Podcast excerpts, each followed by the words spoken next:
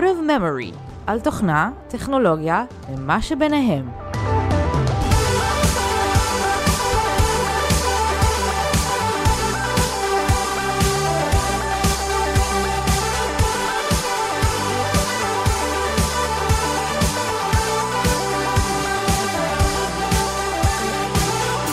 ברוכים הבאים ל-Out of Memory, פרק מספר 5, תולדות ההצפנה, חלק ב'.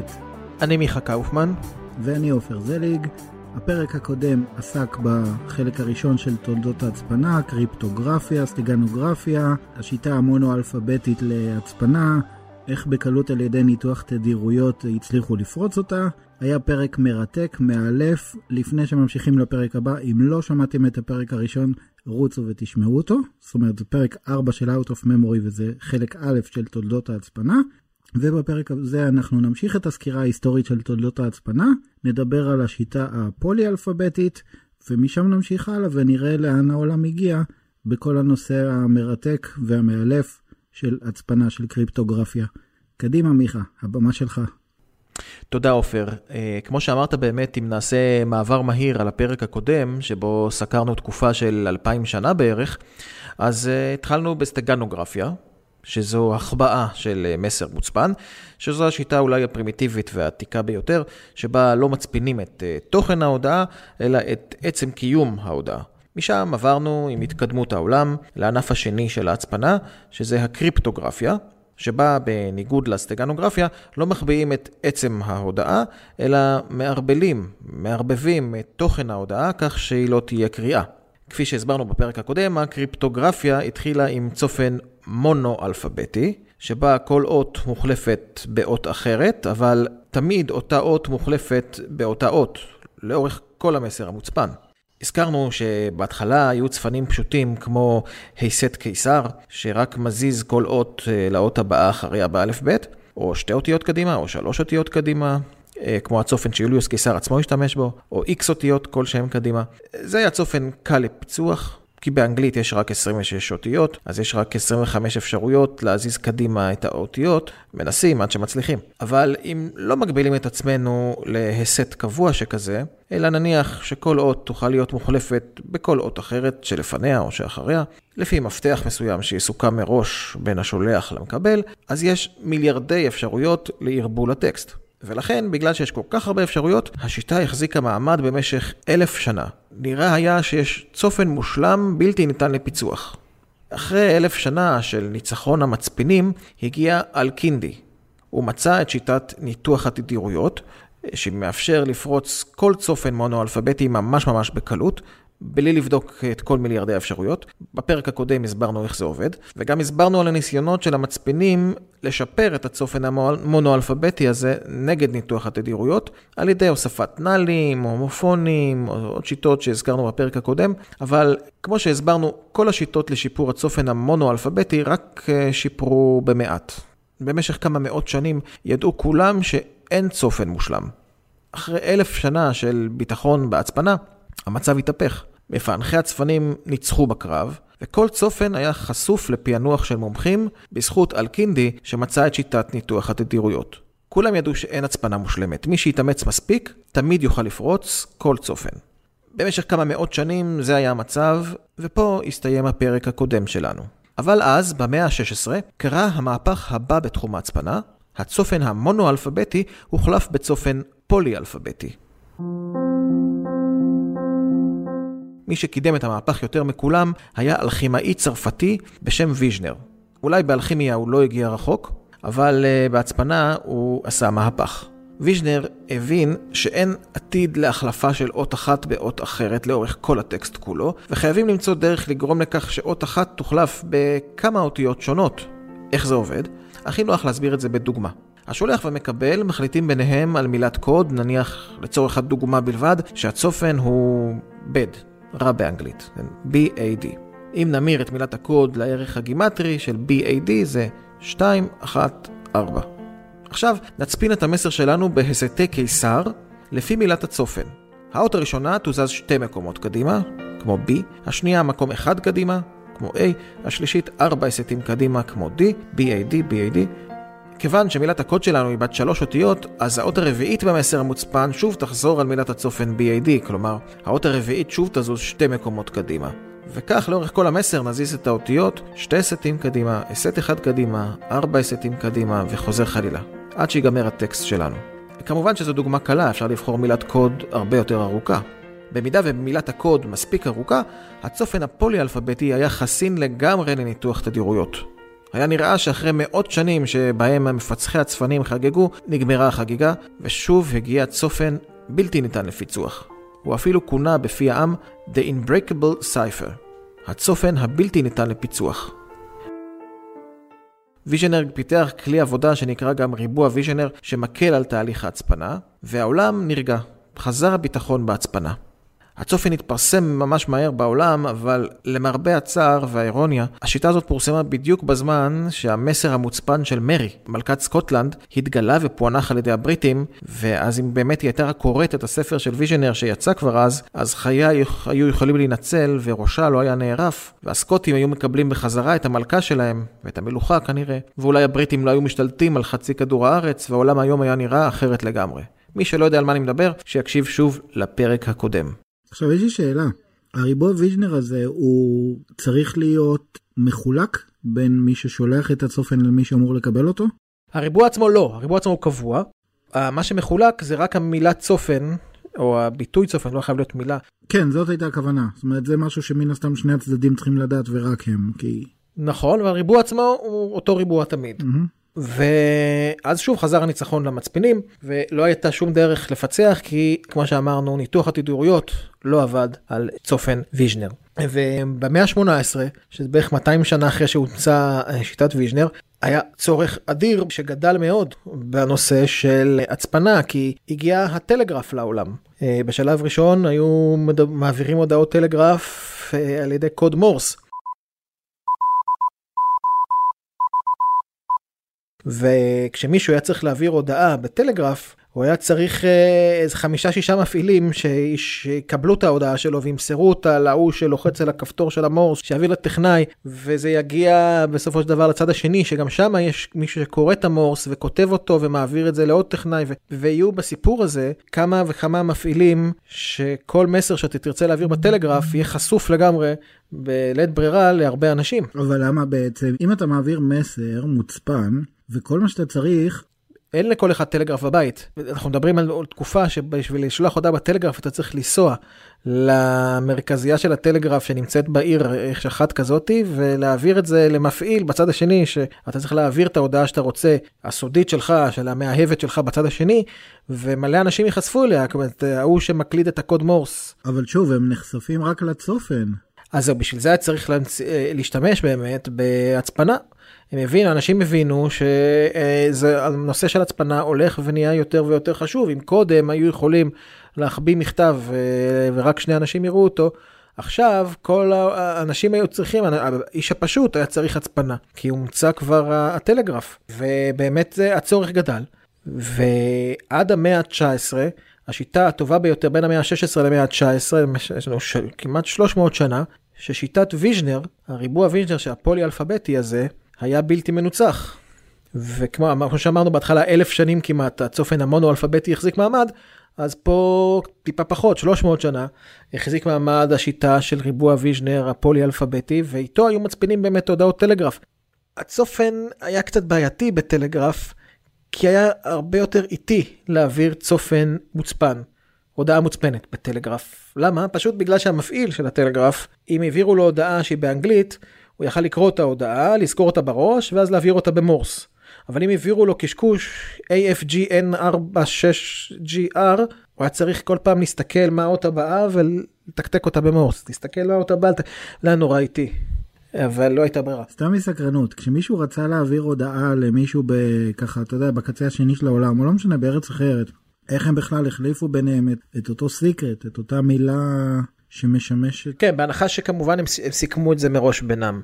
הם נפגשו באיזה מקום, אה, סיכמו מה המילת צופן, ואחר כך נפרדו דרכם. זה הלך לעיר א', זה הלך לעיר ב', והם העבירו ביניהם אה, במורס את, ה, את ההודעה. כלומר, כל שיטות ההצפנה שדיברנו עליהן עד עכשיו, יש ביניהן אה, מכנה משותף אחד די עיקרי, והוא שהצדדים כן נפגשו פיזית פעם אחת, נכון, והחליפו ביניהם את הדפנים בלי שזה יעבור מן הסתם נכון, אף אחד באמצע. נכון. זה תכף ישתנה, אבל בשלב הזה אה, האנשים, השולח והמקבל היו צריכים להסכים ביניהם על איזשהו מפתח. נדבר על זה עוד מעט. אז זהו, אז במאה ה-18 הגיע הטלגרף. במאה ה-19 היה גאון בשם צ'ארלס בבאז'. צ'ארלס בבאז', לא יודע אם אתה זוכ... מזהה את השם, או מי ממאזיננו מזהה את השם הזה. הוא ב-1823, הוא בעצם יצר את המחשב הראשון בעולם המכני. הוא תכנן מנוע שנקרא מנוע הפרשים. מנוע הפרשים מספר אחת, איזושהי מכונה שעלתה הון תועפות באנגליה, הוא ישב, והוא אה, הצליח לפצח בעזרת אה, הברקה מדהימה, שאני לא אכנס פה להסבר שלה כי הוא הסבר קצת מורכב. שוב, מי שרוצה יקרא את סודות ההצפנה של סיימון סינג ויראה מה ההברקה המדהימה של צ'ארלס באבאז', אבל הוא בעצם פיצח את צופן ויז'נר, ללא קשר לזה שהוא המציא את המחשב הראשון המכני בעולם. הוא היה דרך אגב קצת אה, מפוזר, הצ'ארלס בבאז' הזה, הוא אף פעם לא סיים משהו שהוא התחיל. המנוע, מנוע הפרשים הזה שלו, הוא החליט שהוא לא מרוצה ממנו והוא רוצה לפתח את מנוע הפרשים מספר 2, ורשן 2. רק שהבריטים שהשקיעו הון תועפות, אמרו אנחנו השקענו כבר אה, סכום שאשתו אפשר לקנות ש- שתי אוניות מלחמה בשביל מנוע הפרשים שאנחנו לא יודעים מה עושים איתו, ולכן הם לא הסכימו שהוא ימשיך לפתח את מנוע הפרשים מספר 2, למרות שכל התוכניות היו מוכנות. מעולם זה לא יצא לפועל. ודרך אגב, רק לפני כמה שנים בודדות, היה מחווה אה, באנגליה אה, לצ'ארלס בבאז' והם בנו את, על בסיס התוכניות שלו לראשונה את מנוע הפרשים מספר 2 שלו, אה, וזה בוצע. אבל הוא היה בן אדם כזה שתמיד התחיל דברים ולא סיים. גם את ההברקה המדהימה שלו, של איך לפצח את צופן ויז'נר, את הצופן הפולי-אלפביתי הזה, הוא לא פרסם מעולם, הוא לא סיים אה, לפרסם את זה.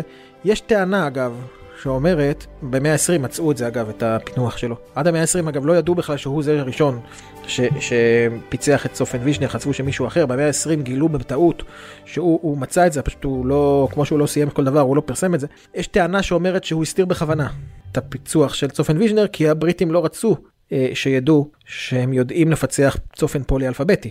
יש יתרון בזה שאתה יודע לפצח ואתה לא מספר. ברור, דיברנו על זה, אני חושב, בפרק הקודם. כן, כן. האויב לא, לא יחשוש. הוא לא יחשוש לספר, אה, לכתוב כל מה שהוא רוצה בידיעה שזה מוצפן. אם הוא היה יודע שאתה יודע לפתח, אז הוא היה מנסה לשכלל את השיטה, או שהוא היה עושה, מנסה לשמור סודיות. ככה אתה מאזין לאויב בצורה שוטפת ובלי בעיה. יש טענה שהוא באמת הסתיר את זה בגלל זה, אבל רוב האנשים חושבים שהוא פשוט היה בלאגניסט, אז הוא לא פרסם את זה כמו שהוא לא סיים גם את המחשב הראשון, רק את התכנון שלו. אוקיי. Okay. ואז בעצם אה, בתקופה שלו, במחצית השנייה של המאה ה-19, שוב ניצחו מפצחי הצפנים. הטלגרף התרחב, ההצפנה הייתה מגינה רק מחובבנים, מקצוענים תמיד יכלו לפצח כל הודעה על ידי השיטה של צ'ארלס בבאז' וגם אה, מי שרצה להעביר הודעה בטלגרף, כמו שאמרנו, היה מעביר אותה הרבה יותר לאט בצורה מוצפנת, פשוט בגלל שהאיש שצריך להסתכל ולתקתק את ההודעה היה עושה את זה הרבה יותר לאט כשזו הודעה מוצפנת. ולכן ההצפנה קצת ירדה קרנה תמיד ידעו שאפשר לפצח אותה. יוצא דופן אחד, אפשר לומר, היה הצופן של ביל. מה זה הצופן של ביל? סיפור מדהים, גם מהמאה ה-19. מישהו סיפר שיש אוצר שמישהו השאיר את ה... אצלו בהוראות איך להגיע אליו, אל האוצר, בכמה מכתבים. מכתב אחד מפרט מה יש באוצר, והוא מוצפן. מכתב שני מתאר איפה נמצא האוצר וגם הוא מוצפן. מכתב שלישי מתאר אה, למי צריך להעביר את האוצר, גם הוא מוצפן. ואנשים ניסו לפצח את הצופן הזה והצליחו לפצח את התוכן של המכתב שאומר מה יש בתוכן האוצר, והתוכן היה מלא זהב, מלא מה שאתה רוצה, כסף, ולא הצליחו לפצח את המכתב השני של איפה נמצא האוצר. ובמשך מאות שנים אנשים ניסו לפצח את הצופן של ביל כדי לגלות uh, ולהגיע לאוצר הזה, לא הצליחו עד היום. יש טענה שאומרת שזה מכתב מפוברק וזה לא צופן אמיתי וזה סתם סיפור אגדה, שמישהו רצה, ל... עשה איזשהו הוקס תרמית כזאת, סתם אה, שובבה. שזה יכול להיות, שהיא עושה את זה בכוונה כך שיצליחו לפצח את ה... זה הראשון, לדעת כמה זהב אה, זה יש, לקבל, שיקבלו תיאבון, ואז שיתפוצצו שהם לא מצליחים לפענח את השני. כן, אבל זה לא רוב האנשים, דווקא רוב החוקרים טוענים שזה אמיתי לגמרי ויש להם מלא הוכחות למה זה חייב להיות אמיתי, אפשר שוב לקרוא את זה בספר סודות ההצפנה, אפשר לראות את המכתבים עצמם גם, מי שעוד מעוניין לנסות לפצח אותם. אבל זה נשמע לי בלתי סביר ובלתי הגיוני שעד היום עם כל הידע שיש היום וכוחות המחשוב שיש היום לא מצליחים לפתוח את ההצפנה הזאת. אז אני אגיד לך, תראה, עד היום אה, יש צפנים שאי אפשר לפצח לגמרי. אם מישהו למשל עשה צופן שבו נניח, לך דוגמה, כל אות מוחלפת בעמוד וספר, בספר מסוים, שבו אתה מפנה לעמוד 17, בעמוד 17 מילה 30, תסתכל מה יש שם, זה האות. אבל אם אין לך את הספר הזה, הרפרנס שאליו צאות, מתייחס הקוד למשל, זה כמעט בלתי אפשרי לפצח דבר כזה. כי יש מיליארדי אפשרויות לכל אות. גם מחשב בן ימינו, אה, שיעשה מיליארד חישובים בשנייה, לא יצליח לפענח את הדבר הזה. אה, זה בלתי ניתן לפיצוח גם אל תשכח שאין רווחים בין מילים וזה זה, זה בלתי אפשרי עד היום. אוקיי. Okay. אז לא ברור לגמרי אם הצופן של ביל הוא אגדה או אמת. המדענים חלוקים ביניהם מי שמעוניין יכול לנסות אבל זה דוגמה של צופן שלא פוענח. אה, לא ברור לגמרי איזה סוג צופן זה אפילו. אבל נעזוב אותו. אבל בתקופה הזאת עדיין אנחנו כמעט הגענו למאה ה-20 ו... ובזכות הפתרון של בבאז' מי שהמציא את המחשב הראשון ידעו לפצח גם צופן פולי אלפביתי. אה, ואז מגיעה מלחמת העולם הראשונה.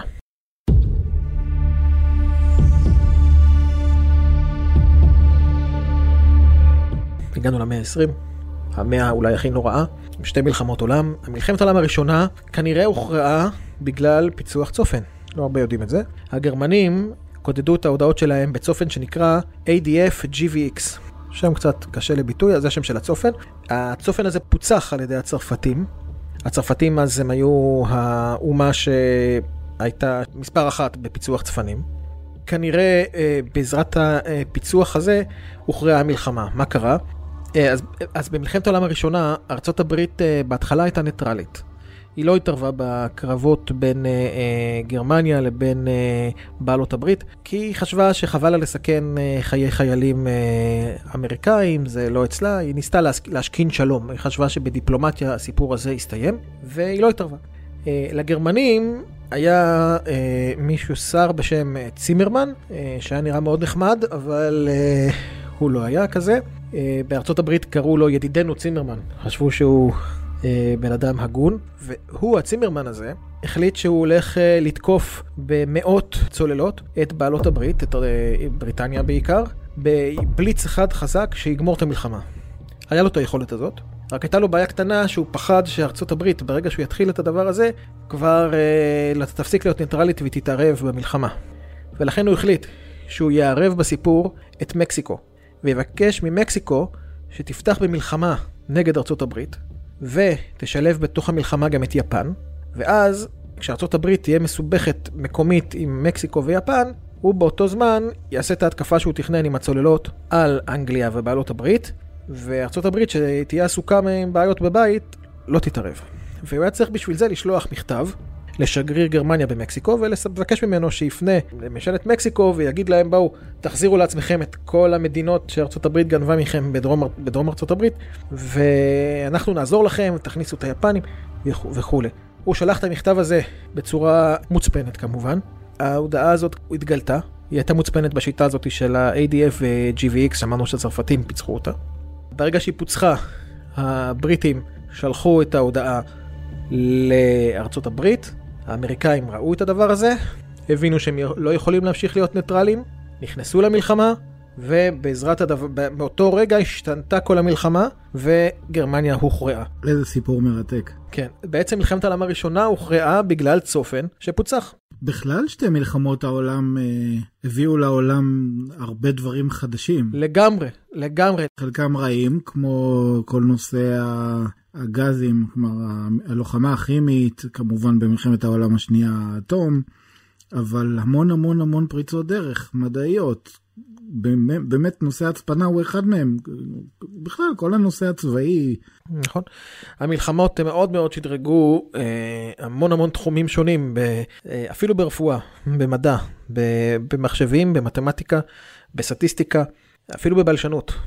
כל, הרבה נושאים התפתחו בזכות מלחמות. Mm-hmm.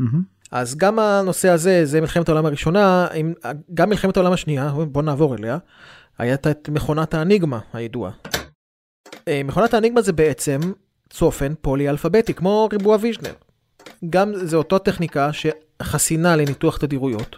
זה צופן פולי-אלפביתי, פשוט במקום כמות של 26 החלפות שיש בוויז'נר, זה אורך הקוד המקסימלי, במכונת האניגמה, אורך המפתח הוא באורך עצום. עצום של אה, מיליונים. כל כך מסובך לעשות את זה באופן ידני, שהגרמנים המציאו מכונה פיזית שנראית כמו מכונת כתיבה פחות או יותר, שנקראת אניגמה, ואיתה אפשר אה, אה, לחולל את הצופן הפולי-אלפביתי העצום הזה, מפתח מטורף שבאורך של מיליונים של אפשרויות, והם היו בטוחים שהמכונה הזאת מייצרת קוד כל כך מסובך. שאין שום סיכוי בעולם לפצח אותו. כבר אמרנו שצופן פולי-אלפביתי היה תקופה ארוכה בלתי ניתן לפיצוח עד שהגיע הפתרון של אה, בבאז', אבל המכונה של הגרמנית, גם עם בבאז' אה, לא יכלו לפצח אותה בגלל אורך המפתח העצום. זה מה שקרה במלחמת העולם השנייה, הגרמנים לא ידעו שדווקא הפולנים, אגב, בניגוד למה שחשבים, הפולנים הם היו הראשונים שפיצחו את האניגמה עוד לפני המלחמה.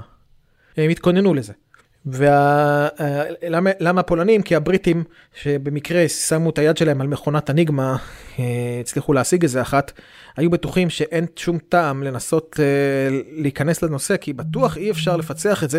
הם אפילו לא ניסו, הם, הם היה להם הסכם אה, שיתוף ידע עם הפולנים, שלחו לפולנים את המכונה הזאת שהם מצאו ואמרו להם תעשו עם זה מה שאתם רוצים, אנחנו לא מנסים אפילו. הפולנים, עוד לפני המלחמה, פיצחו את הקוד בדרך מדהימה. שוב, לא אכנס לפירוט שלה, אבל אפשר לקרוא את זה בסודות ההצפנה. ובתחילת המלחמה, עדיין הפולנים לא שיתפו את הבריטים. בתחילת המלחמה הפולנים הבינו שהם צריכים לספר לבריטים לאן הם הגיעו. הבריטים היו בשוק, כשהם גילו שהפולנים פיצחו את האניגמה. הם, הם היו לגמרי בשוק, והם לקחו את זה מאיפה שהפולנים הפסיקו, ושכללו את זה עוד יותר על ידי טיורינג. זהו, אבל אני באמת לא ידעתי את הסיפור על הפולנים, ידעתי שהבריטים ב... איך, איך קוראים לזה? בטלי פארק? כן, אה, שם הם ישבו. כן, שם הם ישבו, והם אלה שפיצחו את האניגמה, זה מה שידעתי. אז אה, זהו, אז זה, זה, זה מה שכולם חושבים, אבל האמת שההישג הגדול היה דווקא של הפולנים, עוד לפני המלחמה. מדהים. הם, הם המציאו את מכונות הבומבס, הפולנים. מכונות שידעו לפצח את ה... קראו להם בומבס, כי היו עושים הרבה רעש, כמו בומים, בגלל שהיו בתוכם המון המון... אה, בתוך כל בום היו כמה מכונות אניגמה, כל מכונת אניגמה זה מכונת אה, הדפסה כזאת של בום. בקיצור, הטיורינג מאוד שכלל את המכונה. והוא מצא פתרונות אה, יותר מהירים. תראה, גם בשלב מסוים הגרמנים החליפו ושדרגו את כל המכונות אניגמה שלהם. וכל הפתרון של הפולנים היה, היה טוב רק למכונות שלפני המלחמה, איך שהתחילה המלחמה, הם שדרגו את האניגמה שלהם, כבר הפתרון של הפולנים לא היה מספיק טוב.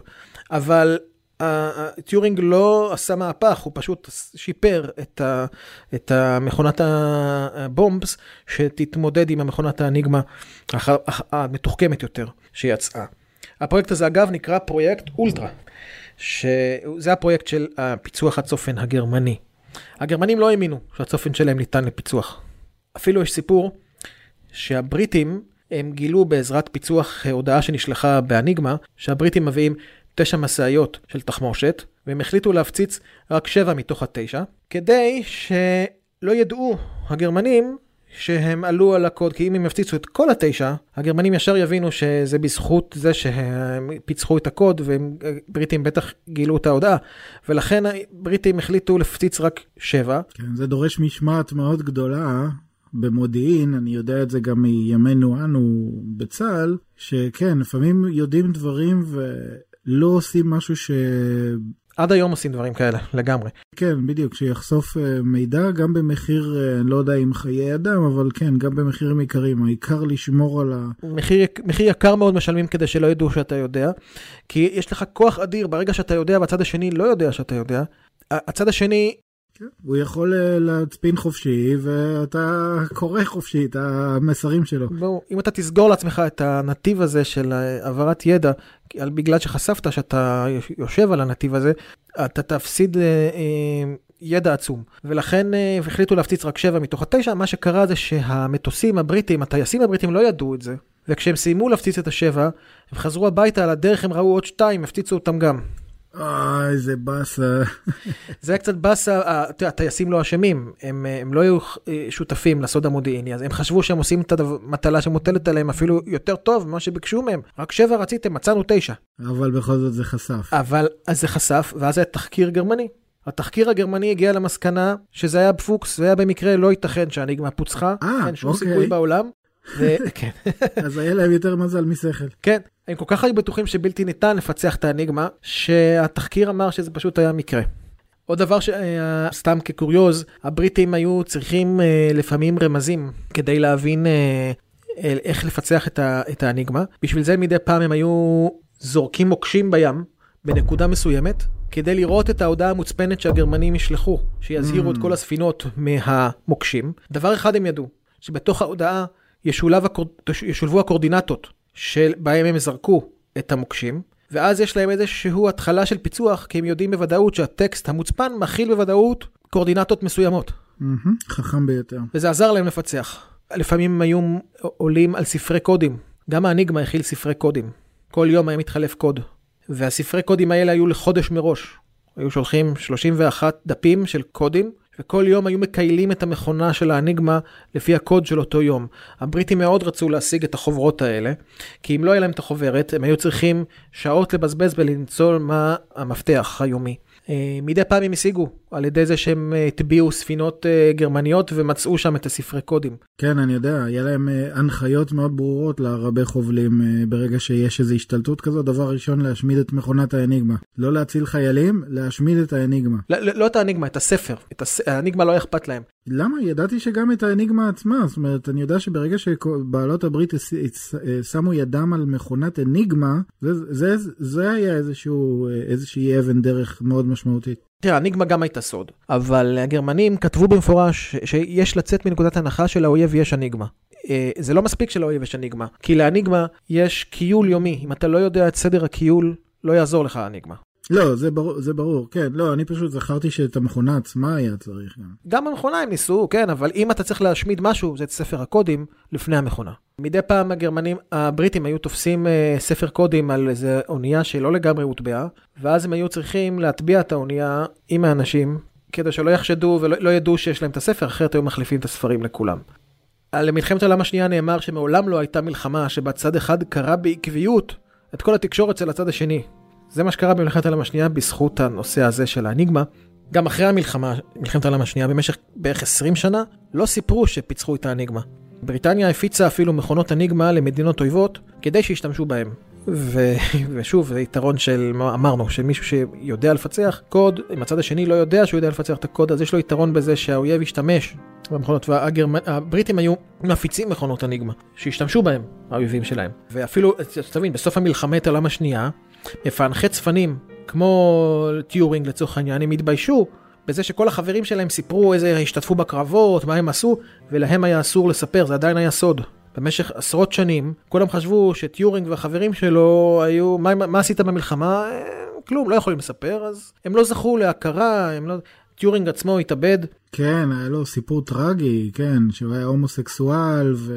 כן, לא, לא, לא בגלל זה שהוא לא זכה להכרה, בגלל זה שהוא היה הומוסקסואל. בתקופה ההיא זה לא היה מקובל, וניסו לעשות לו טיפולי המרה, לא משנה. ירדו עליו, סיפור טרגי מאוד, בן אדם ששם, לקח על גבו ניצחון אפשר להגיד, או חלק מאוד גדול בניצחון של בעלות הברית, אה, לא יודע אם את כולו, כי יש גם עוד פעם את פצצות האטום, ולא ניכנס לדברים האלה, אבל הוא לקח חלק ניכר על גבו מהיתרון שבעלות הברית קיבלו, וסיום החיים שלו אה, הוא כל כך עצוב וכל כך טרגי. כן, אפשר לומר בעצם שגם הוא הגן על, על אנגליה, ובזכותו ניצלו חיים של עשרות, מאות, אלפים, אולי עשרות אלפים של אנשים, והוא מעולם לא זכה להכרה בדבר הזה, והעם שהוא הגן עליו, הוא העם שהרג אותו. זה די טרגי. אבל אתה יודע, בניגוד למה שחושבים, האניגמה זה לא הסיפור היחיד של מלחמת העולם השנייה. האניגמה פוצחה על ידי הפולנים ואחר כך הבריטים, אבל היה עוד דברים חוץ מהאניגמה, למשל, ליפנים היה צופן שנקרא סגול, שהוא פוצח על ידי האמריקאים. סגול לא היה פחות uh, חזק מהאניגמה. רגע, סגול זה הצופן שבו השתמשו היפנים כשהם הודיעו לשגריר שלהם, לשגרירות שלהם בארצות הברית שהשיחות לא מובילות לשום מקום ובעצם הם קיבלו את ההחלטה אז לבצע את התקיפה בפרל ארבור, כי אני זוכר שהאמריקאים באיזשהו שלב הבינו את המסר שהיפנים שלחו לשגרירים שלהם של תחזרו מהר הביתה, תעזבו את המדינה וכן הלאה, השיחות לא הובילו לשום מקום. אם אני לא טועה, כן. אם אני לא טועה, זה, זה, זה היה בצופן סגול, צופן היפני, שהוא פוצח על ידי האמריקאים. הוא גם היה מאוד מאוד דומה. כן, זהו, בדיוק, הם, הם פיצחו אותו, הם גילו את המסר, אבל כמו שכולנו יודעים, זה, הם גילו אותו כמה דקות או שעה מאוחר מדי. אה, אחרי שההתקפה כבר הייתה. גם האניגמה לקח, לקח, לקח שעות לפצח כל בוקר עד שהיו מוצאים את הקוד, ואחר כך היה יותר מהר, אבל לפעמים לוקח חצי יום עד שהיו עולים על ה, מה המפתח היומי. גם סגול לקח זמן, כל יום בוקר עד שהיו מגלים את המפתח. אבל סגול זה עוד דוגמה למכונה כמו אניגמה. אגב, גם אניגמה וגם סגול שפוצחו זה לא בגלל שהם היו לא טובים, זה בגלל שהמפעילים שלהם עשו כמה טעויות קטנות, ושגרמו לזה שנמצאו איזה שהם נקודות התחלה, איזה עוגן שממנו אפשר להתחיל. אם היו, אם הגרמנים או היפנים היו מפעילים את הסגול או את האניגמה שלהם בצורה אידיאלית לפי כל ההוראות, יכול להיות שעד היום אה, שהם היו מנצחים את המלחמה. היום העולם נשלט על ידי הגרמנים. אגב, לגרמנים לא היה רק uh, מכונה אחת, זאת אומרת, היה להם עוד שיטות, היה להם מכונה שנקראת לורנץ. לא רק מכונת אניגמה, לגרמנים היה לורנץ, היא הייתה עוד יותר מתוחכמת מהאניגמה, וגם אותה פיצחו. היא הייתה מכונה שבה השתמש רק היטלר מול הגנרלים שלו. כלומר, כל הצבא השתמש באניגמה, אבל רק היטלר מול הגנרלים שלו השתמש במשהו יותר מתוחכם מהאניגמה בלורנץ. גם את זה פיצחו, יפה מאוד, לא ידעתי על זה. מקס ניומן ב-1943 הוא שכלל את הרעיון של טיורינג והוא הוא, הוא תכנן את המחשב הראשון שנקרא קולוסוס, המחשב הראשון ה... לא המכני, המחשב הראשון שהוא מחשב אלקטרוני, קולוסוס קראו לו. הוא היה מחשב שהכיל 1500 מתגים חשמליים, לא מכניים. שהיו מהירים בהרבה מהממסרים הפיזיים של הבומבס נגיד. והוא, מקס ניומן הזה, חשבו בהתחלה שזה, שהמכונה שלו היא לא ישימה, שזה תכנון שאין מה לעשות איתו וזרקו אותו הצידה, אבל אז מישהו בסתר, חבר שלו, בנה את המכשיר הזה, את הקולוסוס, ועם הקולוסוס הזה הצליחו לפצח את הצופן של לורנס ולראות מה היטלר אומר לגנרלים שלו. שוב, עם מחשב הראשון בעולם, שלא רצו לבנות אותו כי הוא לא ישים וחבל לבזבז עליו את הזמן.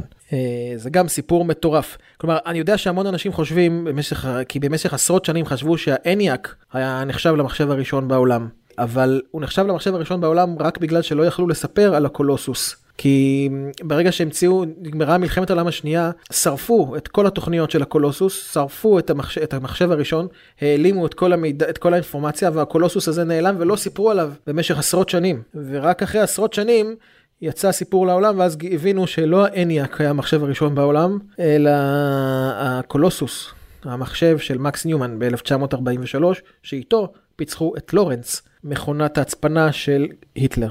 אז לא רק אניגמה, הייתה במלחמת העולם השנייה, ולא רק uh, לורנץ, ולא רק סגול, אלא יש גם דברים נוספים שלא קיבלו את הכבוד הראוי להם בהיסטוריה, שבניגוד לאניגמה הגרמני ולסגול היפני, גם לבריטים ולאמריקאים היו מכונות הצפנה.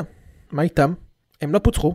לגר... לבריטים היה מכונה שנקראת טייפ X של הצפנה, בדיוק כמו אניגמה, או קצת יותר מתוחכמת מהאניגמה, והיא לא פוצחה מעולם. עד היום? לא, היום, היום משהו אחר, היום כבר אפשר לפצח כל דבר כזה, אבל, אבל ב, היא לא פוצחה בזמן המלחמה. ולאמריקאים היה מכונה שנקראת סיגאבה, אה, שגם היא, כמו הטייפ X הבריטי, לא פוצחה בזמן מלחמת העולם השנייה. כלומר, כל המלחמה, הטייפ X הבריטי האמריק... האמריקאית עבדו בצורה מושלמת, הצפינו בצורה שהאויב לא ידע. ולעומת זאת הסגול היפני והאניגמה הגרמני וגם הלורנס הגרמני פוצחו. אז מכל המכונות האלה, אם תשאל מי מגיע לו הכי הרבה כבוד, משום מה אנשים נותנים כבוד לאניגמה יותר מכולם, אבל האניגמה פוצח, בוא, הטייפ X והסיגאבה לא פוצחו, הן גם יותר מתוחכמות. אפילו הגרמנים, הלורנס שלהם יותר חזק מהאניגמה, אבל עדיין עד היום, באנגלית שרוצים להגיד משהו שהוא משהו אה, אה, סודי, או אה, קוראים לזה אניגמטיבי, משהו אניגמטי. לא יודע למה, כי האניגמה לא הייתה המכונה הכי חזקה. כן, אבל הביטוי מושאל.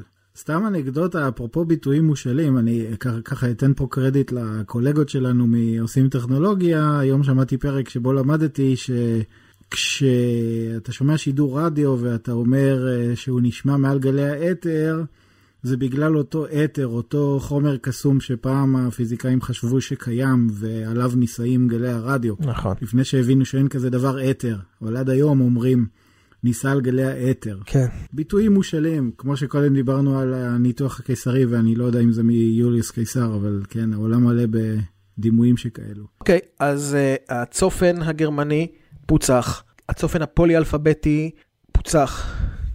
בשלב הזה נמצאו למצוא פתרון של משהו שהוא יהיה בלתי ניתן לפיצוח. אז הגיע הפתרון שנקרא צופן הפנקס החד פעמי. זה משהו נורא פשוט, המקבל והשולח מחליטים על מפתח כלשהו של הצפנה, מצפינים משהו במפתח הזה וזורקים אותו. מחר, אם רוצים להשתמש במפתח חדש, פותחים דף חדש, פנקס חדש. זה לא ישים. זה לא ישים מכיוון שהפנקס הזה הוא באורך סופי, ובסוף הוא ייגמר, ולא תוכל יותר לשלוח הודעות. זה בעצם די דומה למה שהניגמה עושה, אבל פשוט על ידי פנקס. זה לא פתרון. בנוסף, היו הרבה בעיות של איטיות. אה, להעביר הודעה, כמו שאמרנו, בטלגרף, או אפילו לא בטלגרף, להעביר הודעה מוצפנת, זה דבר מאוד איטי. צריך להצפין, צריך לפצח, צריך להעביר מפתח מאחד לשני. זה בעיה. במלחמת העולם השנייה כבר גילו את הבעיה הזאת של האיטיות. ואז אחד הפתרונות שהיה, הוא קוד שנקרא קוד נבחו.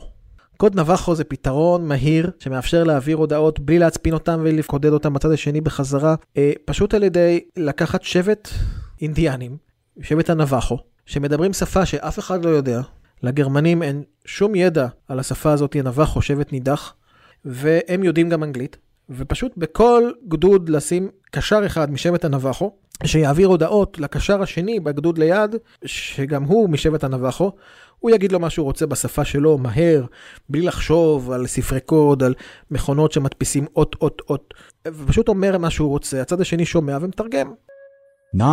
אחותו נשליקי, השיט אגו בנסנקס, ניחלהוקאשליקיש. פתרון פשוט, אנושי, קצר, ולא להאמין, עובד. מלחמת העולם השנייה, האמריקאים החזיקו אה, עשרות, או אחר כך מאות, אה, קשרים משבט הנבחו, שמו אותם בגדודים שלהם, וזה עבד יופי. אף אחד לא האמין. לקח קצת זמן לרכוש את האמון של אנשים, דרך אגב, סיפורים מצחיקים של אה, ברגע שפעם הראשונה שהפעילו את קוד הנבחו, האמריקאים חשבו שיפנים פרצו להם לרשת, סגרו מיד את התקשורת. שמעו קולות שלא נשמעים כמו אנגלית, נשמעים כמו טקטוקים מוזרים, וזה לא נשמע כמו שפה אנושית אפילו. הם לכדו שבויים.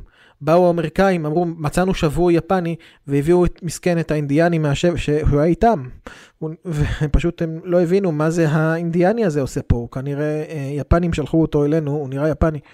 הם לא כך הבדילו.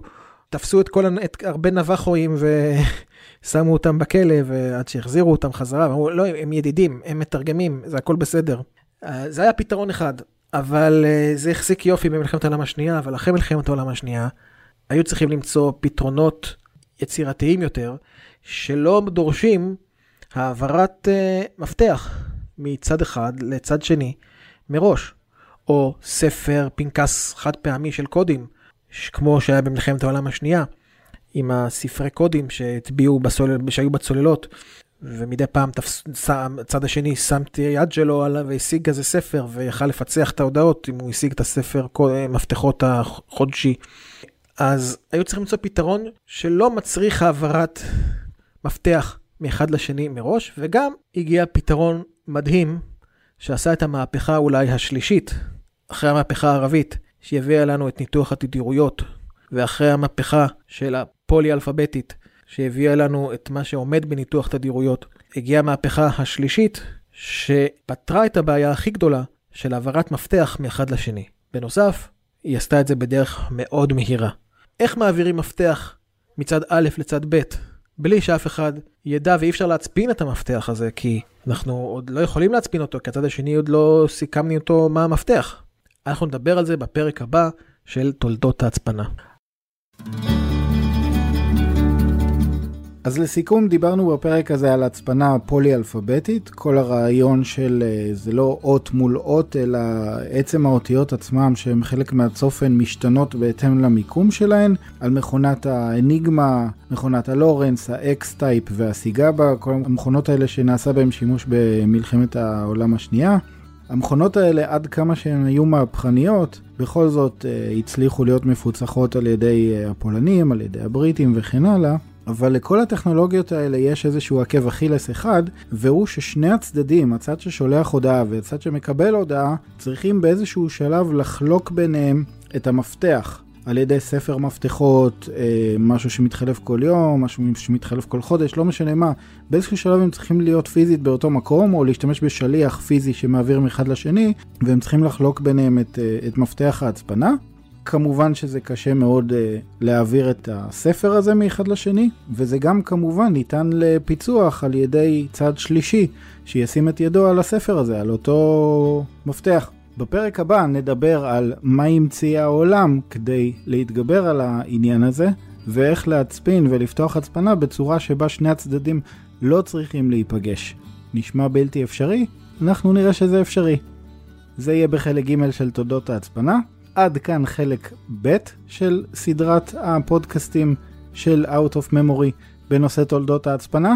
עקבו אחרינו כדי להתעדכן ברגע שיוצא החלק הבא והאחרון של הסדרה. כפי שאנחנו אומרים בכל פרק, תוכלו למצוא את הפודקאסט הזה בכל פלטפורמות הפודקאסטים המובילות, גוגל, אפל, ספוטיפיי וכולי, תחת השם Out of Memory. צרפו אותו, תקבלו את הפרקים החדשים אוטומטית, הצטרפו לקבוצת הפייסבוק שלנו, Out of Memory, עקבו אחרי הדף שלנו. תנו פידבקים, תשאלו שאלות, ועדכנו אותנו אם למדתם דבר או שניים על ההצפנה או על כל דבר אחר. זה הכל, נתראה בחלק ג' ואחרון של תולדות ההצפנה ב-Out of Memory. להתראות מיכה. ביי עופר.